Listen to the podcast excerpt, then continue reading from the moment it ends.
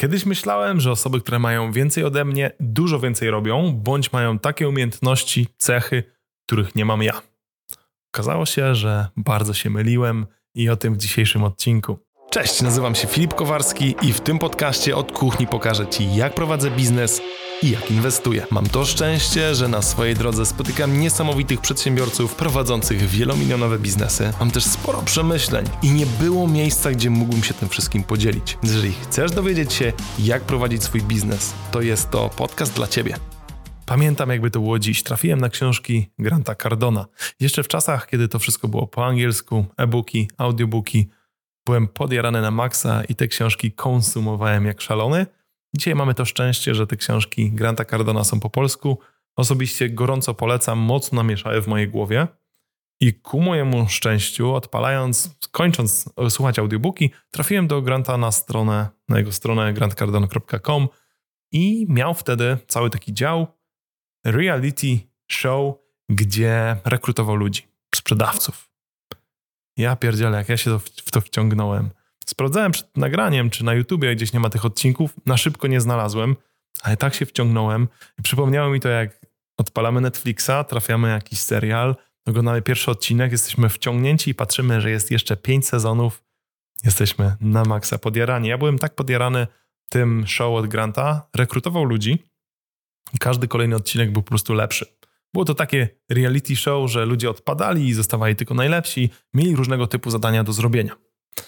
Jedno z zadań było nietypowe jak na sprzedawcę.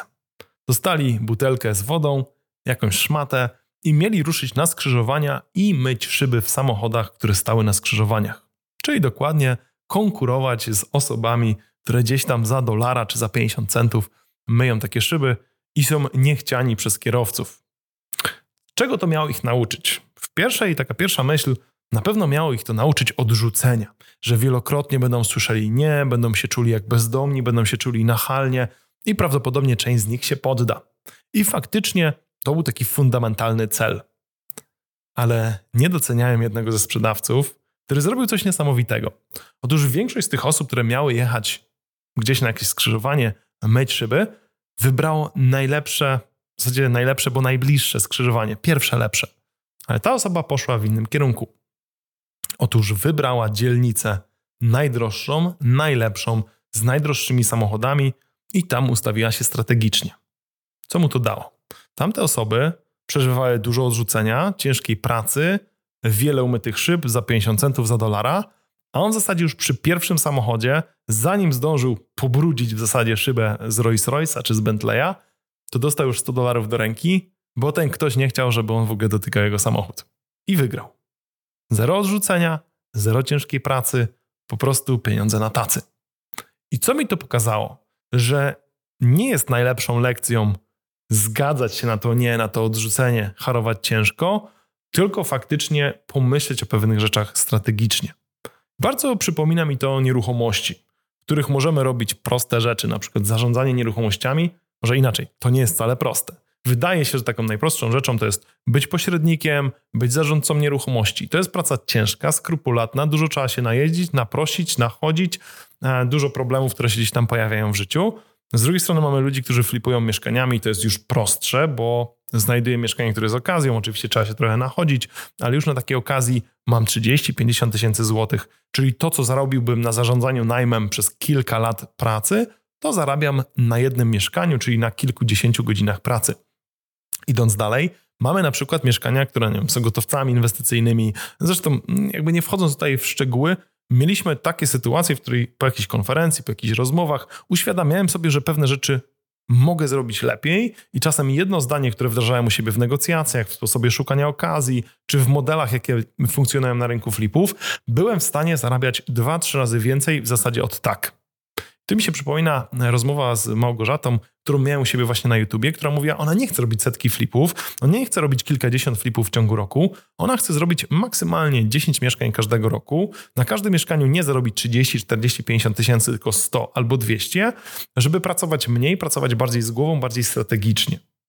I to faktycznie miałoby sens i starałem się przypomnieć taką sytuację w moim życiu, gdzie najbardziej było to takie uwypuklone i żeby tak sobie potwierdzić, czy tak faktycznie jest.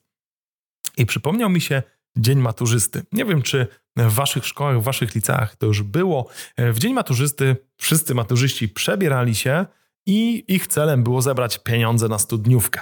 No i teraz, jak myśli każdy? Ok, przebiorę się, przyjadę do liceum, będę chodził od klasy do klasy. Zresztą tak było. Jak byłem na pierwszym, w pierwszym roku liceum, w drugim roku liceum, no to przychodzili maturzyści i trzeba było im coś dać. No to wiadomo, że nie mam złotówki, nie mam 5 złotych, tylko każdy był już przygotowany i dawał po grosiku. No to jak zapewne domyślasz się, temat tego odcinka, praca ciężka. Większość maturzystów po przebraniu się chodziło od klasy do klasy, zbierało po grosiku i na koniec dnia wyciągało z takiego chodzenia 3, 4, 5 złotych. Może rekordziści 10. Co mi to mówi? Ok, jako licealista, jako maturzysta w sumie dobrze się bawiliśmy, nie musieliśmy akurat mieć tego dnia lekcji, więc to już był jakiś plus, a z drugiej strony jeszcze 3 do 5 złotych wyciągnęliśmy. No ale niektórzy maturzyści się z tym nie zgadzali, no bo przecież skoro mam poświęcić dzień na zebranie kasy na studniówkę, no to wyjdę przed szkołę. Akurat przed naszą szkołą były światła, więc od czasu do czasu zatrzymywały się samochody. No i wtedy można było podejść, zapukać w szybę i poprosić o jakąś kasę.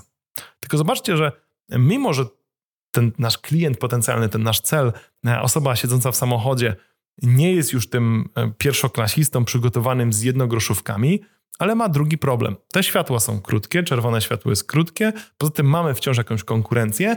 No i kolejna rzecz, osoba siedząca w samochodzie nie ma przygotowanego portfela, więc nie jest do końca gotowa.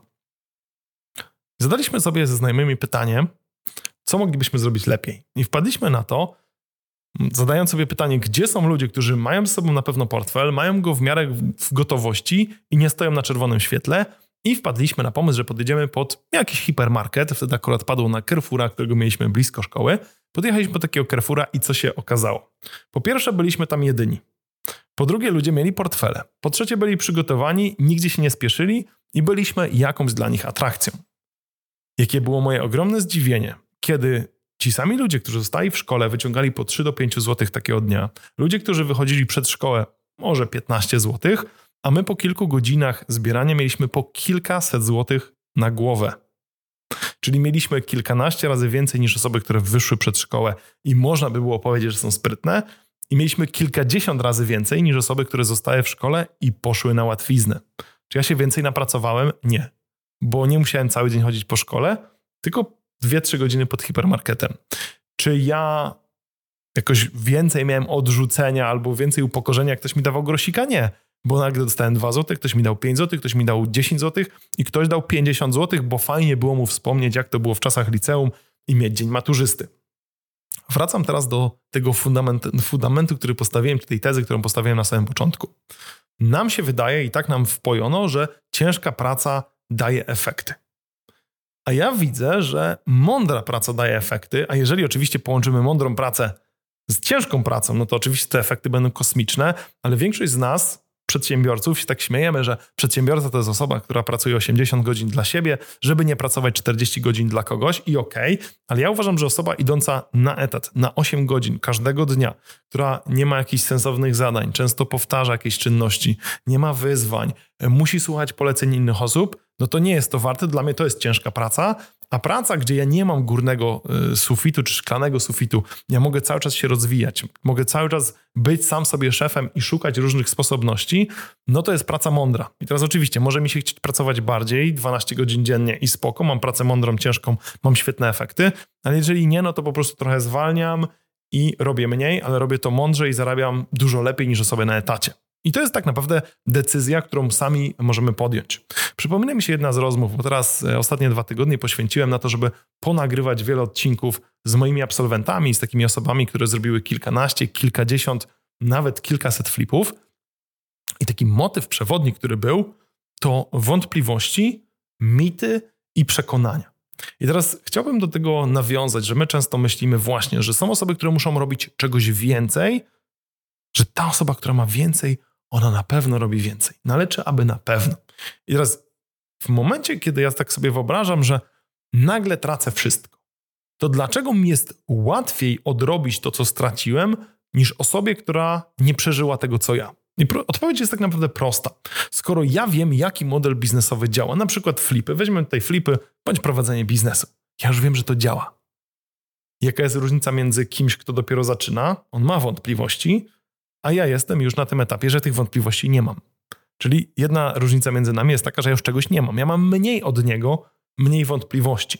Są osoby, które jako przedsiębiorcy idą jak przecinaki, takie samotne wilki, cisną każdego dnia, albo to naprawdę to są też sportowcy, osoby, które e, są celebrytami, osiągają dużo więcej i cały czas ich gdzieś widzimy. Oni, oni mają cały czas energię. Czego oni nie mają? Oni nie mają wyłącznika. Oni po prostu cały czas idą do przodu. I takie też porównanie między etatowcami, często, no nie każdy, ale większość etatowców taka jest, szuka tego spokoju, tej stabilizacji, a osoby, które cisną, one nie mają strachu.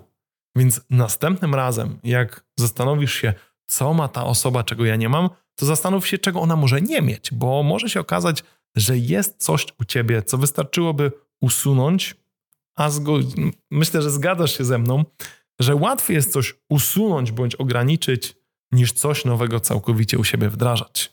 No i tutaj przypominam się jako takie podsumowanie też świetna prelekcja, którą robił Wojtek Woźniczka, który pokazywał, że większość negocjatorów nie musi uczyć się nowych technik, nie musi uczyć się nowych zagrywek, nie musi mieć zapamiętanych pewnych fraz, tylko musi przestać robić głupie rzeczy i robić mniej rzeczy, które psują im negocjacje, i dopiero po tym, czyli po tych najprostszych rzeczach, dopiero uczyć się technik negocjacyjnych.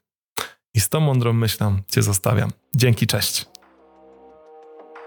Jeżeli podobał Ci się ten odcinek, to więcej materiałów znajdziesz na filipkowarski.pl i koniecznie obserwuj ten podcast. Do usłyszenia.